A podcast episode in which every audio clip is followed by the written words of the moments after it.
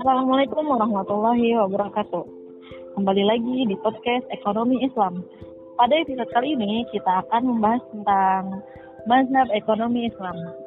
Nah, pada kali ini kita akan sharing-sharing langsung nih dengan narasumber yang sangat luar biasa uh, dari mahasiswa Sekolah Tinggi Ekonomi Islam SEBI, yaitu Muhammad Abdul Aziz.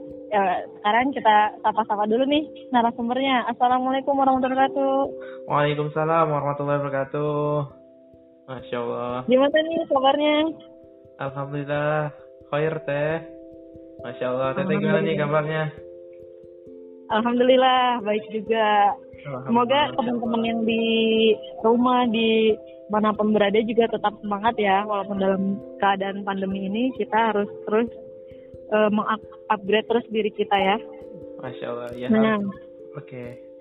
Uh, eh, ini nih uh, sekarang kan kita akan ngebahas tentang mazhab dalam ekonomi Islam nih Ziz. Ya teh. Nah menurut Aziz sendiri itu mazhab itu apa sih Ziz? Uh, Oke okay, baik, izinkan saya menjawab uh, Bismillahirrahmanirrahim. Uh, apa apa sih itu mas mazhab itu sendiri? Kalau yang aneh baca-baca teh kalau yang mazhab itu adalah penggolongan suatu hukum atau aturan tingkat di bawah fikroh. Yang mana fikroh ini merupakan istilah yang sering dipakai untuk mengganti kata denominasi. Nah, kata mazhab berasal dari bahasa Arab teh, yang berarti jalan yang dilalui atau dilewati sesuatu yang menjadi tujuan seseorang baik konkret maupun abstrak. Dan menurut para ulama sendiri eh, dan ahli agama eh, ahli agama Islam, yang dinamakan mazhab itu adalah metode atau manhaj dan yang dibentuk setelah melalui pemikiran dan penelitian kemudian orang yang menjalaninya menjadikan sebagai pedoman dan jelas batasan-batasannya nih dan bagian-bagiannya dan dibangun di atas prinsip-prinsip dan kaidah-kaidah yang ada dalam Islam. Jadi untuk pengertian mazhab sendiri segitulah teh kurang lebihnya. Uh. Wah ya, masya Allah. Jadi uh, mazhab itu pada intinya kayak ini ya uh, pemikiran para ulama tentang ekonomi Islam itu sendiri gitu ya beberapa pemikiran dari para ulama gitu ya. Iya benar-benar banget. Ya. Oke. Okay. Nah terus uh, kenapa sih tiba-tiba ada tentang mazhab ekonomi Islam itu tuh awalnya tuh latar belakang adanya mazhab ekonomi Islam itu gimana sih? Nah, nah untuk latar belakang adanya mazhab ekonomi Islam ini sendiri, nah, yaitu aga, agama Islamnya hanya satu kan. Nah, yaitu agama yang hak dari Allah Subhanahu wa taala. Nah, oleh karenanya tidak adalah uh, yang mengherankan jika terdapat berbagai macam-macam interpretasi nih dalam manusia tentang Islam.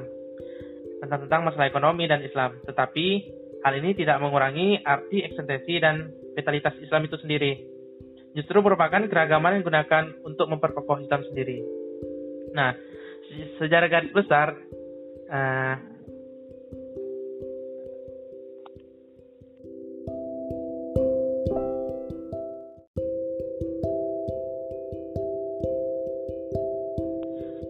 Jadi begitu Teh dan teman-teman semua sedikit gambarannya latar belakangnya adanya mazhab ekonomi Islam itu sendiri.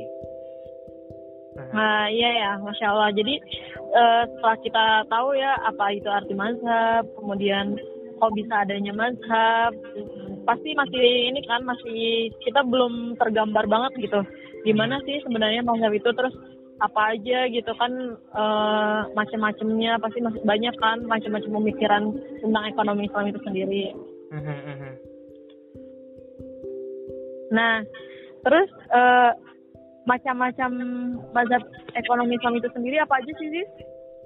Uh, kalau secara garis besar ya teh terdapat ada tiga mazhab yang utama. Nah, yang pertama itu ada mazhab Bakir Asadar. Dan yang kedua ada mazhab Al-A'la Al-Madudi dan yang ketiga itu mazhab Abdul Manan.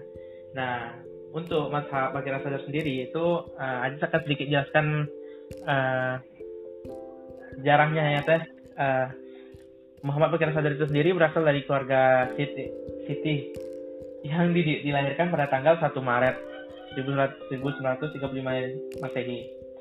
Dan adapun karyanya itu buku Falsatuna dan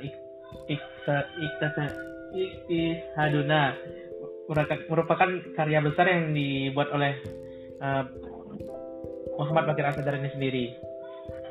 Nah, menurut dari uh, dari karya ini dalam aspek kehidupan ekonomi, yakni iktisaduna melahirkan mazhab tersendiri.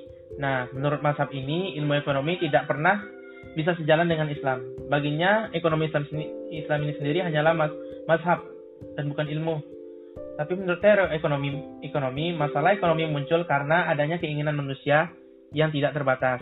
Sedangkan sumber daya yang tersedia terbatas. Dan mazhab Iqtisaduna ini e, menolak hal ini karena dalam Islam tidak tidak pernah dikenal dengan adanya sumber daya yang terbatas.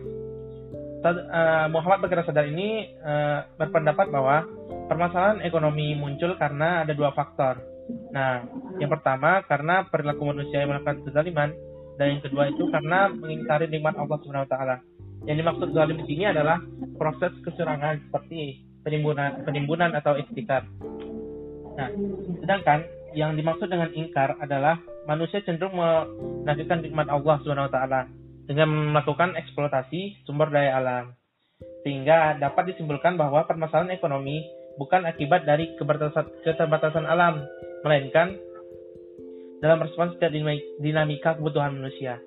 Dan yang untuk kedua yaitu mazhab Abu Al-Ala Al-Maududi. Nah, kalau Abu Al-Ala ini dilahirkan 3 Rajab 1321 Hijriah atau 20, 24 September 1903 eh, di India.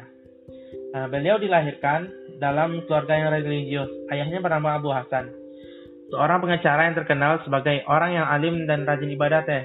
Nah, jadi mereka adalah keturunan dari sufi besar tarekat Kristia yang banyak berperan dalam penyebaran di India. Dan tulisan beliau ini sendiri teman-teman mencakup bidang politik, sosial, ekonomi, kebudayaan dan dan agama. Nah, sekitar tahun 1120 uh, Maududi menunjukkan minatnya terhadap politik yang menggabungkan gerakan khilafat teman-teman yang mana bersosialisasi, bersosialisasi dengan tarik eh, hijrat melalui bukunya Al, Al Jihad fil Islam. Beliau menceritakan kehidupan di alamnya perkumpulan tersebut. Nah, jadi teman-teman di sini Al-Maududi itu sendiri menjelaskan bahwa Islam menerangkan sebuah sistem ekonomi. Akan tetapi bukan berarti Islam telah menerang, uh, menerangkan secara sistem yang permanen dan lengkap dengan segala detailnya. Uh, apa yang sebenarnya ditunjukkan oleh Islam menentukan berupa landasan dasar atau peraturan dasar yang bisa membuat kita menyusun setelah rancangan ekonomi yang sesuai dari setiap masanya. Maka, melalui hal-hal yang global tersebut, akan terlihat jelas tujuan dalam maksud dari Al-Quran dan Al-Quran dan hadis itu sendiri, yang mengatur segala aspek di kehidupan sebagai mestinya. Dan untuk yang ketiga, ketiga nih yang terakhir yaitu mazhab Abdul Manan. Nah, kalau Abdul Manan ini sendiri dilahirkan di Bangladesh pada tahun 1939. 38, afan. Ia memperoleh gelar masternya di bidang ekonomi di Universitas Rajasthani pada tahun 1960. Setelah menyelesaikan kuliahnya, eh, uh, Abdul Manan ini lalu bekerja untuk pemerintahan Pakistan dan ditempatkan di berbagai departemen terutama yang berkaitan dengan sektor ekonomi. ekonomi. Manan termasuk salah satu pemik, uh, pemikir ekonomi Islam yang ketebar teman-teman, yang cukup menonjol. Hal ini dapat dilihat banyak karya tulisnya yang dihasilkan. Salah satu karya tulisnya adalah Islamic Economics, hmm, Theory and Practice uh, yang terbit pada tahun 1970 yang telah diterjemahkan ke dalam berbagai bahasa, Turki, Arab, Bengali, Malaysia, termasuk bahasa Indonesia itu sendiri. Dan menurut Manan itu sendiri, Manan, Manan ilmu ekonomi Islam itu teh sendiri merupakan ilmu pengetahuan Islam yang pelajari masalah-masalah ekonomi rakyat yang diilhami oleh nilai Islam. Namun uh, bukan berarti bahwa hal ini menyebabkan kaum muslimin dilarang mempelajari masalah-masalah ekonomi non muslim Sebaliknya, mereka dituntut mempelajari dan mengilhaminya dengan nilai-nilai Islam, terutama yang berkaitan dengan kemanusiaan pada umumnya. Menurutnya, menurut ekonomi Islam adalah ilmu tentang manusia, bukan individu yang ter terisolasi, terisolasi. Nah, tetapi mengenai individu sosial yang meyakini nilai-nilai hidup dan uh, dalam Islam. Uh, untuk kesimpulannya nih, uh, teman-teman, teh jadi agak panjang ya tadi baca sejarah-sejarahnya apa aja ya. isinya. Kalau untuk di sini hanya menyimpulkan dari tiga mazhab itu sendiri. Untuk mazhab Bakir Asadar ini sendiri kesimpulannya uh, Bakir Asadar sendiri berpendapat bahwa permasalahan ekonomi ini muncul karena ada dua faktor. Yang pertama karena perilaku manusia yang melakukan kezaliman dan yang kedua uh, karena uh, adanya manusia ini mengingkari nikmat Allah Subhanahu wa taala sendiri. Jadi uh, timbullah mazhab Bakir Asadari itu sendiri karena faktor tersebut. Dan yang kedua, kesimpulannya kesimpulan dari mazhab Abu Al-Ala Al-Maududi ini sendiri. Maududi. Uh, kesimpulannya itu uh, dalam segala aspek kehidupan mulai dari urusan pribadi sampai budaya dan masalah sosial, Islam menentukan landasan yang sama untuk untuk pedoman manusia. Nah, untuk yang terakhir kesimpulan dari Mazhab Abdul Manan yaitu ilmu ekonomi Islam merupakan ilmu pengetahuan sosial yang mempelajari masalah-masalah ekonomi rakyat yang diilhami oleh nilai-nilai Islam itu sendiri. Mungkin itu saja teh yang bisa sampai uh, sharing untuk kali untuk mazhab macam uh,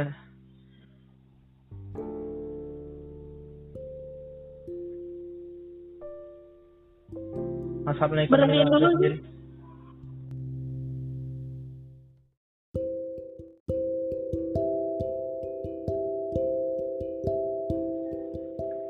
Wah, masya Allah ya. Uh, tadi udah banyak sekali ya dijelaskan oleh Aziz tentang mazhab itu sendiri beberapa macamnya kemudian pandangan pandangan-pandangan dari para tokohnya juga. Semoga dengan dijelaskannya tadi oleh Aziz bisa membuat kita menambah wawasan juga gitu.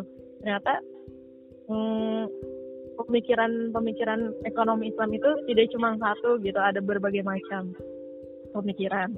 Nah uh, dengan berbagai macam pemikiran ini semoga kita bisa ini ya apa bisa lebih tahu lagi juga gitu oh ternyata uh, dalam ekonomi Islam tuh ada beberapa yang harus kita ketahui sehingga kita ketika uh, menjalankan suatu muamalah itu tidak akan salah gitu ya nah hmm.